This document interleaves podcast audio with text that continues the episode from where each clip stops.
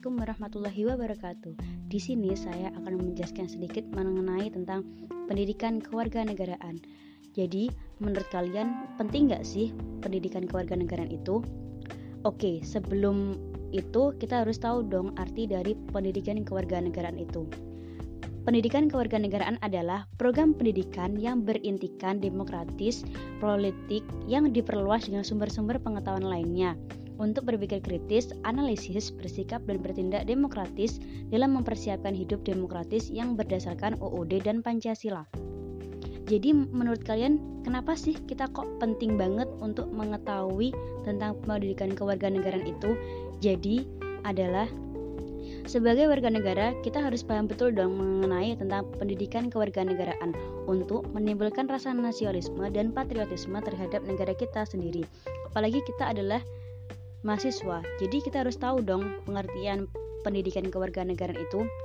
Oke, yang kedua, aku akan jelasin. Jadi apa sih pengertian dari identitas nasional itu? Identitas nasional merupakan manifestasi nilai-nilai budaya yang tumbuh dan berkembang dalam berbagai aspek-aspek kehidupan dengan suatu ciri khas yang menjadikan berbeda dengan bangsa lain. Maksudnya itu apa sih? Maksudnya, identitas nasional itu adalah identitas yang menjadi ciri khas dari negara itu. Contohnya nih, negara Indonesia.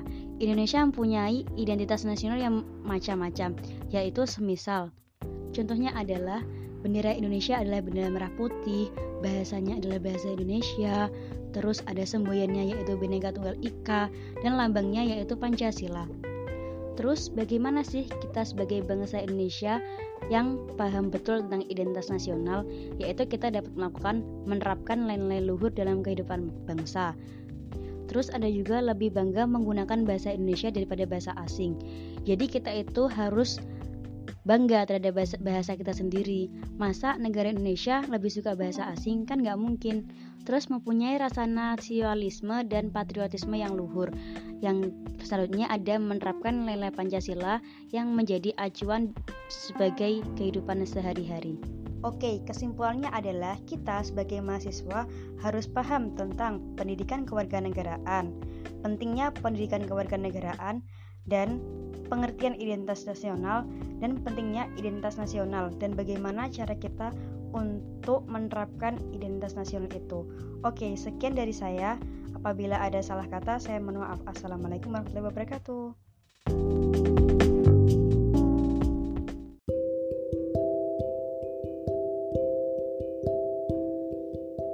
Assalamualaikum warahmatullahi wabarakatuh. Di sini saya akan menjelaskan mengenai podcast Wawasan Nusantara. Sebelum kita menjelaskan tentang wawasan Nusantara, kita harus tahu dong pengertiannya apa. Oke, pengertian wawasan Nusantara adalah cara pandang persatuan bangsa dan kesatuan wilayah dengan menyatakan kepulauan Nusantara sebagai satu kesatuan. Wawasan Nusantara itu sendiri mempunyai dua landasan, yaitu landasan ideologi dan landasan konstitusional. Terus, apa sih pengertian dari landasan ideologi itu? Landasan ideologi adalah landasan negara yang merupakan induk dari segala perundang-undangan dalam negara. Sedangkan landasan konstitusional adalah landasan ideologi bangsa yang merupakan dasar negara Republik Indonesia yang berfungsi sebagai filosofi bangsa. Oke, tentunya wawasan Nusantara mempunyai beberapa faktor. Yang pertama yaitu faktor geografi atau faktor wilayah yang memiliki tiga aspek, yaitu aspek kelautan, aspek kepulauan, dan aspek yang lain. Terus juga ada lagi nih aspeknya, yaitu faktor mengenai tentang aspek geopolitik, yaitu aspek yang seni praktek penggunaan kekuasaan politik atas wilayah tertentu.